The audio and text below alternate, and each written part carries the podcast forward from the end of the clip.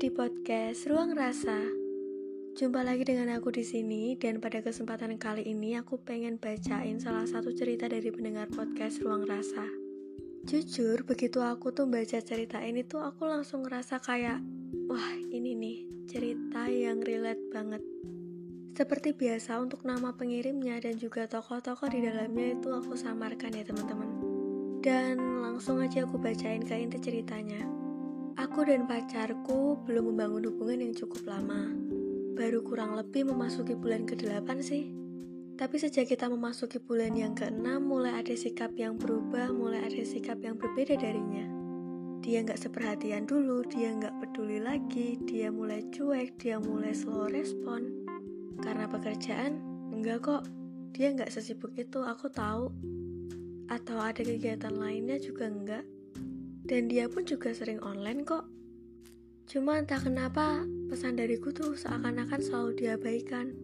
Sampai akhirnya aku lihat dia bikin snap dan snapnya itu selalu ada cewek yang sama. Gak jauh setelah aku menyadari itu semua, dua minggu kemudian aku follow. Aku juga sudah sering menanyakan ke cowokku siapa sih cewek itu tapi dia enggan membalas, atau jika membalas, dia cuma bilang temanku kok. Sampai pada akhirnya si cewek tadi nge-DM aku. Katanya, cowokku udah nembak dia. Sontak aku pun kaget, kecewa, marah, tapi gak bisa berbuat apa-apa. Pas waktu itu aku juga cuma ngeri doang. Sampai akhirnya aku udah kuat hati untuk nanya ke cowokku. Dan ternyata benar, dia ternyata suka sama si cewek tadi. Pas aku tanya kenapa sih kamu kayak gitu, dia jawab, aku kayak gini karena kamu. Karena kamu. Aku ngerasa kita nggak sefrekuensi. Selera humor kita beda. Kamu terlalu serius. Aku banyak bercandanya. Kamu suka yang berwarna. Aku suka yang monokrom. Kamu nggak suka pergi-pergi, tapi aku suka traveling. Kamu terlalu penakut buat aku yang suka tantangan. Maaf buat bilang kalau aku bosen sama kamu. Dan semua hal itu bisa aku ditemukan di orang lain. Katamu, kebahagiaan kita yang tentukan kan? Dan ini yang menjadi pilihanku. Aku harap kamu ngerti. Sekarang yang aku rasain adalah insecure parah, trauma parah.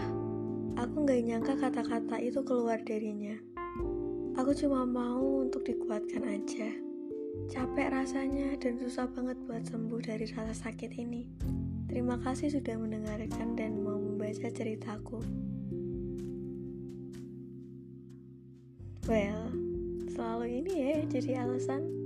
Bosen lah, gak sefrekuensi lah, pengen cari yang lebih baik lah.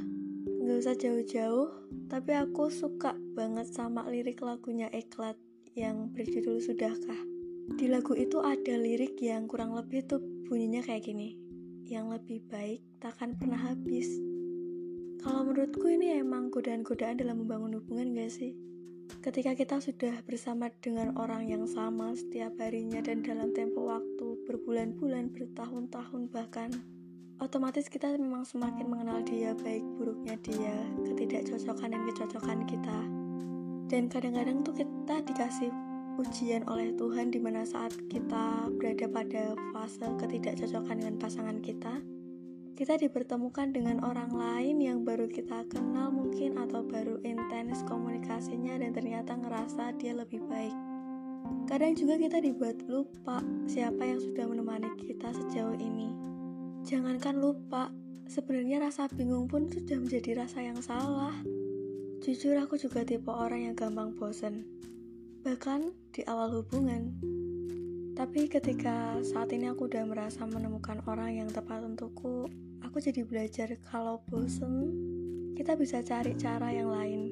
Mungkin yang tadinya lebih sering chatting bisa diganti dengan telepon sesekali. Mungkin kita bisa pergi ke tempat yang baru. Dan ketika kita memang ada masalah, jangan lari ke orang lain. Lari ke Tuhan atau bicarakan ke pasangan. Kembali lagi ke bahasan yang tadi, selingkuh itu emang identik sama manipulatif. Mereka memutar balikkan fakta, mereka menyalahkan salah satu pihak, padahal ya selingkuh, selingkuh aja. Gak ada yang benar dari kata selingkuh. Dan di zaman yang saat ini, jenis selingkuh tuh banyak banget. Kalau sudah dewasa pasti udah ngerti lah mana batasan-batasan yang harus dijaga. Apa yang over dan bagaimana suatu hal bisa dikatakan selingkuh. Dan ketika kita merasa emang gak cocok sama pasangan kita, maka komunikasikan. Jangan asal pergi, jangan asal berpaling. Ini semua juga perihal penerimaan. Mau cari yang sesempurna apa pun, maka nggak akan ada habisnya kita nggak bisa minta yang enak-enak aja dalam suatu hubungan. Dan itulah sisi yang menurutku menjadikan cinta tuh hal yang sakral. Karena memang melibatkan kesetiaan, terus juga itu tadi mau nerima. Ingat bahwa segala sesuatunya tuh juga perlu dipikirkan.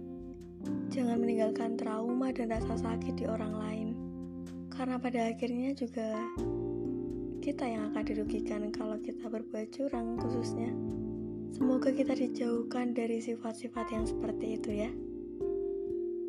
Oke, okay, terima kasih yang sudah mendengarkan sampai akhir. See you.